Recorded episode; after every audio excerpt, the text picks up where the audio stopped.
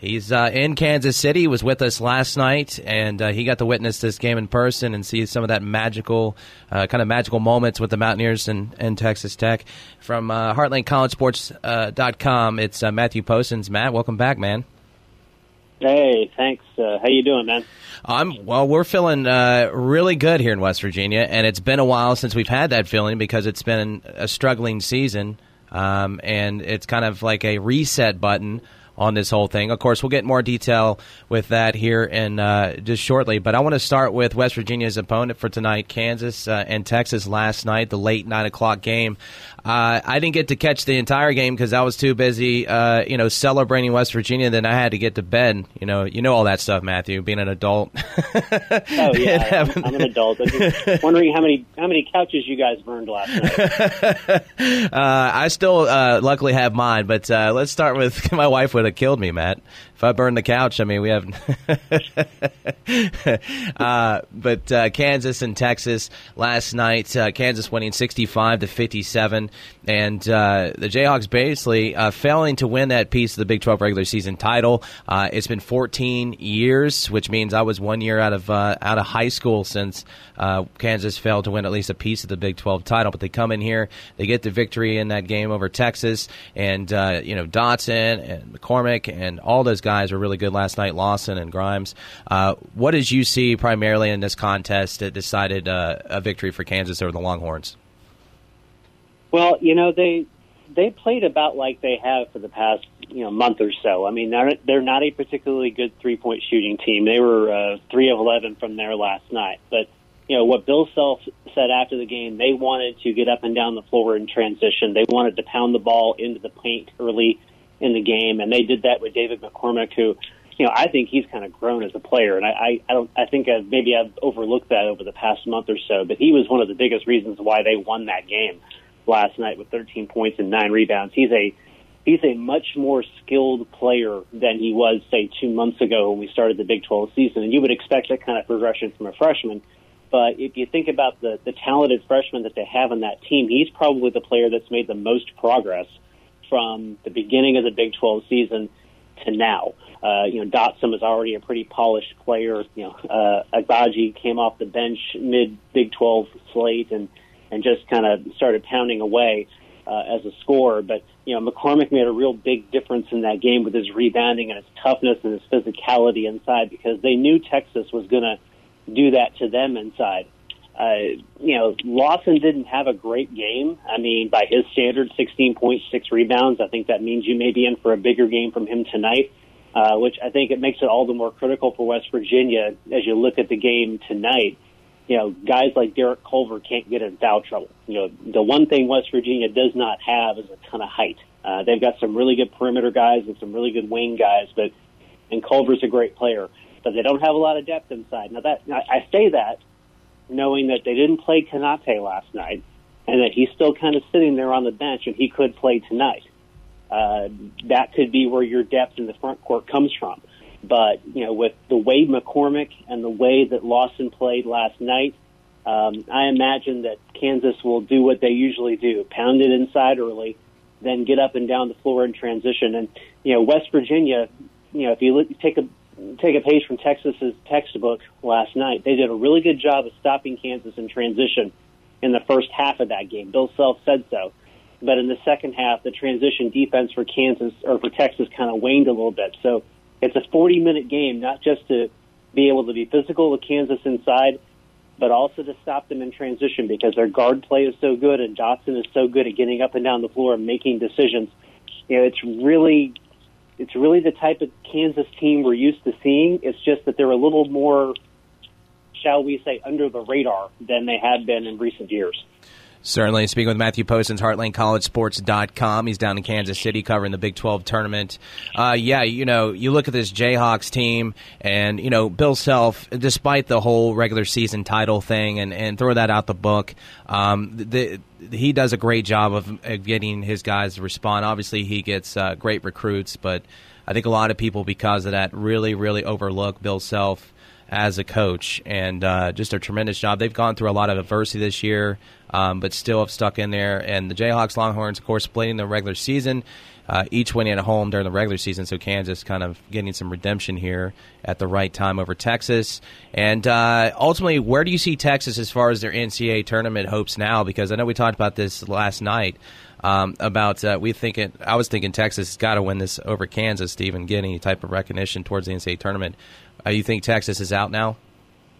I think they're completely out. And you know, Shaka said after the game that you know while he didn't explicitly tell his players that if they won that game they would go to the NCAA tournament, he did say that if you want to go to the NCAA tournament, this is a game we really need to win. So whether explicit or implicit, they needed to win to have any shot of getting into the tournament.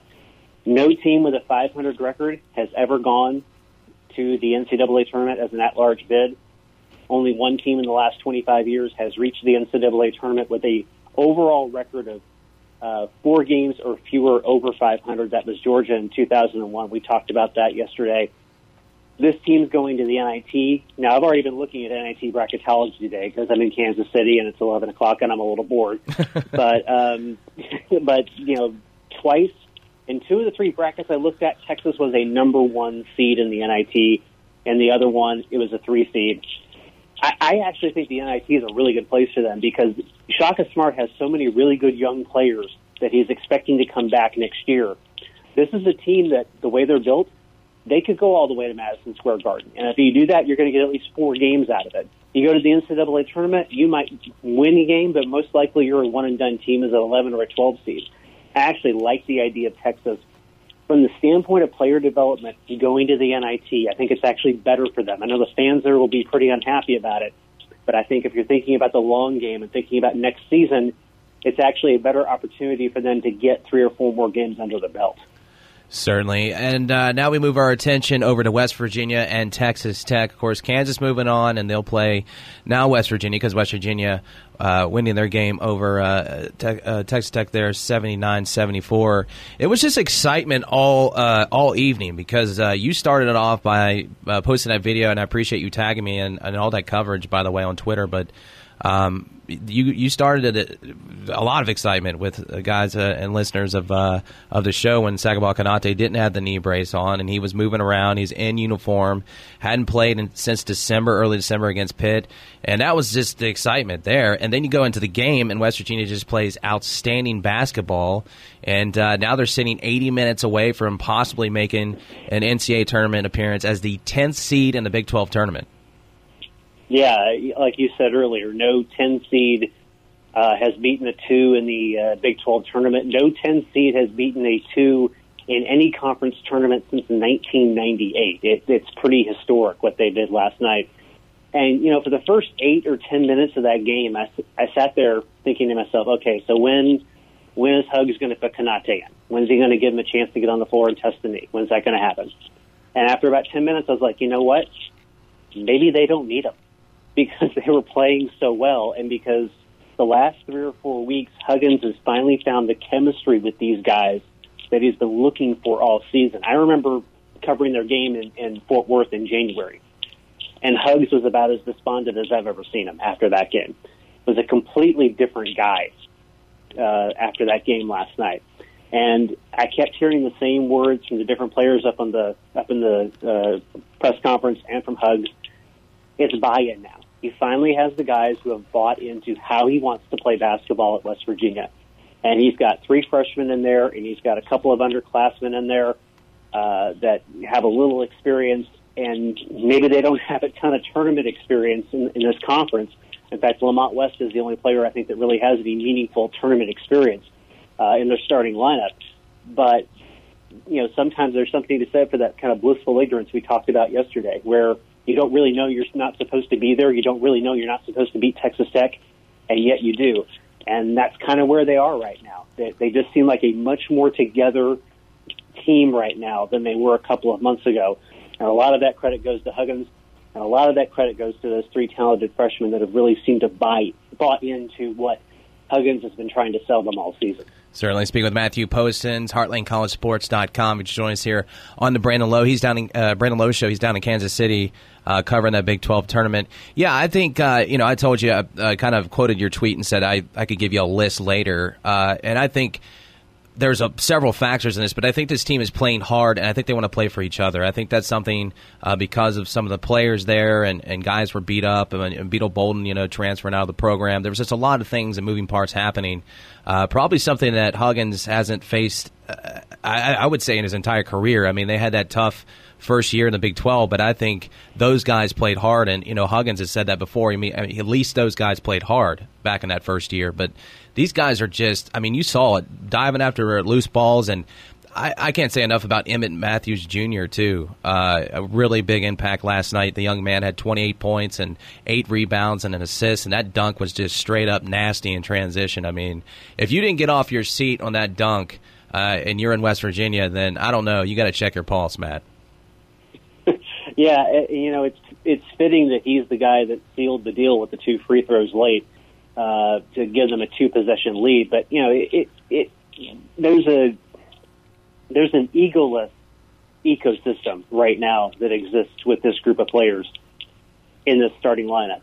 You know, Derek Culver has obviously been the guy that has stood out because he he has the potential, I think, over the next couple of years to be a double double machine in this conference. He already had eight uh, over the course of this season but it seems like every single night there's a different player in the starting lineup that steps up. Haley has the career high against Iowa State. McCabe had that huge game against TCU. Emmitt Matthews with the big game last night. Lamont West had a huge game a couple of weeks ago. Uh, they've had three different players in this starting lineup in double figures in both games in this tournament, but there there just doesn't seem to be any kind of any kind of eye anymore. And I think that's kind of what Bob was getting at in January after the TCU game. He had a lot of players in his locker room, and the word they they whether they were saying it or not, it was about I. It wasn't about we. It wasn't about team. And now he has the guys that are that are, are really about we and about team, and don't have that ego uh, that maybe some of the other players had before. And it's paying off in the way they're playing basketball right now, and the way they were able to outlast Texas Tech and win that game. And you know, Bill Self said after the game last night, this is a much different West Virginia team than the one we played a month ago, and I'm preparing my guys for a war. Yeah. Yeah, he said forget about records. When Kansas West Virginia play, you usually get your money's worth for a game, which is certainly true. And of course, Kansas West Virginia have plenty of history there in the Big 12 tournament. They've met several times in the Big uh, 12 tournament championship. So this is kind of uh, setting up an interesting matchup here. And uh, you mentioned, and I got to agree with you, Sags did not come off the bench. I don't think it's because he wasn't healthy. I just think that Huggins was he was he had him there just in case Culver did get in foul trouble. He can give some minutes, and then maybe Culver comes back in. I also agree with you in the fact that I think chemistry was there. Why mess it up throwing the guy in that hasn't played for several you know months and and and hope that you know things go well. I think Huggins saw that too, so I do agree with you that. Uh, so moving over to Kansas and West Virginia. It's funny you mention uh, Sags. I think that this possibly could be the game that Sags gets in because I think it's going to be a war. I think Culver's going to need a rest, and it'd be crazy. And I know I talked about this with Chris Hall, but it would be nuts if Huggins just decides, you know what, I'm just going to go big underneath, and I'm going to put Culver and Sags to protect the rim, and I'm going to sit there and try to dominate the glass and protect the rim and uh, try to win this game. I also could see that happening.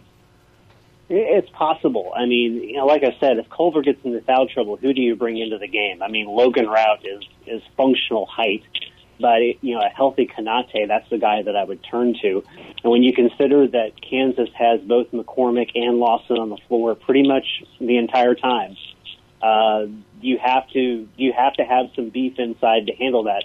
Now, the one question I have is, in that scenario, who defends Lawson? You know, yeah. this is a guy who is probably the most polished forward in the Big 12. He he not he doesn't just have a good mid-range jumper and can drive to the basket. He's one of the best back to the basket players in the country. I mean, he he has a repertoire of moves that allows him to get to the basket. Do you put Konate on him? Do you put Culver on him? Uh, that's a really good question as you go into this game. If you decide to go with that kind of a front line, yes, you're going to defend the rim and you're going to put a lot of height inside but Lawson has that ability to bring you out to 15, 18 feet, and you're going to have to defend him. And if he gets a step on you, you know, you're done. And that's going to be a really interesting thing to watch if Hugs decides to go big. You know, who's going to defend Lawson because he's one of the craftiest players in the league, and how successful is that person going to be on him? I mean, could could in that scenario, could West Virginia go zone a little bit? Yeah. And maybe try to get Kansas to be a little bit more passive. I haven't seen West Virginia play a lot of zone this year in the games I've watched, but maybe that's a possibility at some point. Maybe Hugs transitions to a zone just to give them a change of pace, try to slow the game down a little bit, try to take Kansas out of that transition they like and make them a little more passive. Yeah, of course, Huggins pulled out. I believe it was uh, it was a odd type of zone. I think last year. I don't know if he's tried it this year, but it was something like a one-two-two or something crazy like that. And uh, mm-hmm. Uh, I forget what game that was. It might have been Kansas. I, I, can't remember, but that was insane. And then the one-three-one, which he, uh, uh, of course, uh, adopted there from the Beilein era when he first came in, and Joe Mazzulla yeah, and all those guys. I, I know it's not his favorite thing to do, but you know, this is one of those situations where Kansas just loves getting up down the floor in yeah. transition so much, and the defensive matchup with Lawson may not be what he likes. Where you might see a little two-three zone on occasion. I mean, Texas Tech even dabbles in a little two-three zone, and they're about as man man-to-man defense as you get in this conference. Uh, it offers a change of pace, and it offers you know Hugs' as players a break in that situation, and it, it zones have the tendency to make offensive teams be a little more passive and West Virginia might need a little bit of that tonight. Certainly. And uh, who do we like in the who do we like in the other game? Who do you like? Oh, there's another game. Oh yeah, um, Iowa State and Kansas State. So yeah. um, this is a really interesting game because Iowa State they they came out of the gate explosive uh, against Baylor, and they shot better than 50% from both the floor and the three point line. Uh, they're the best offensive team in the conference. Uh, they're they're they're a functional defensive team, and they actually played better defense against Baylor. But they're the best offensive team in the conference. Kansas State, you could make a case that they're the best defensive team in the conference. The problem Kansas State has right now, and it's been their problem all season, they're just not a very deep team. I don't expect Dean Wade to play. He didn't play Thursday. He probably won't play today. Uh, they did get Cartier Diarra back. That's a big boost for them from a depth standpoint, and he had a very nice game. I suspect he'll be in the starting lineup instead of Austin Trice against Iowa State tonight, which means they'll be smaller, but that's okay against Iowa State because Iowa State doesn't have a lot of height in their starting lineup either. So in the, in games like this, I always look at the team that plays better defense because defenses can do more things to make offensive teams like Iowa State a little bit more passive, make them shoot at a lower percentage, and make things harder on them. Uh, what you really want to do with Iowa State is you want to make them use all the shot clock. You want to force them to take that shot with three, four, five seconds left and force them into a shot they don't want to take. Kansas State's really good at that. So I'm taking Kansas State in this game because I think their defense is probably going to exert more of the pace of the game tonight than Iowa State's offense will. Uh, but you know, it's it's one of those games where it's a toss up. I mean, Iowa State's so good offensively, and Kansas State is so good defensively that if Iowa State goes on the kind of run that they went on against Baylor at the end of that first half and the beginning of the second half, I think it was a a 15-2 or 17-2 run. I'm not sure Kansas State has the firepower to get back into that game, so they they can't allow Iowa State to run away and hide early in this contest. Certainly. Good stuff, man. I also forgot there was another game because uh, I think a lot of people are because you got Kansas and West Virginia. It's Bill Self, Bob Huggins, and West Virginia. Right now, even if you're not a Mountaineer fan or even if you don't cover the Big 12, if you're a fan of basketball, right now, West Virginia has to have your attention, and you got to be excited to see this contest tonight against historically one of the best programs in the country and in college basketball history, and you know it's just fun every time these teams get together, and I can't wait to watch this game. I'm hoping it's not. I hope it's not the end for West Virginia. Of course, I'd love to see West Virginia just pull off a miracle and, and win this thing. Uh, it's a tough road. They got past Texas Tech. Now you got Kansas, and then potentially uh, Kansas State or Iowa State in the next round. So uh, that's it's going to be brutal, but it's fun. And I got to shave my head if they win the Big 12 tournament championship, Matt. That's a that's a bet I have right now with the guys over at Dovey Nation.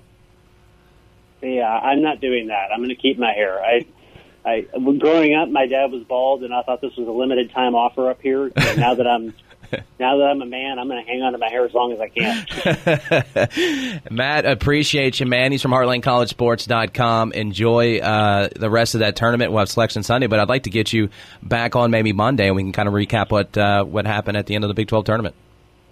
Yeah, absolutely. And and if things if things fall the way that West Virginia fans want, we may be talking about the Mountaineers as a yeah, I don't know what kind of seed you would give to a team that's three games under 500 and wins their conference tournament, but uh, that would be a really interesting conversation to have if the Mountaineers end up winning tonight and end up winning again on Saturday.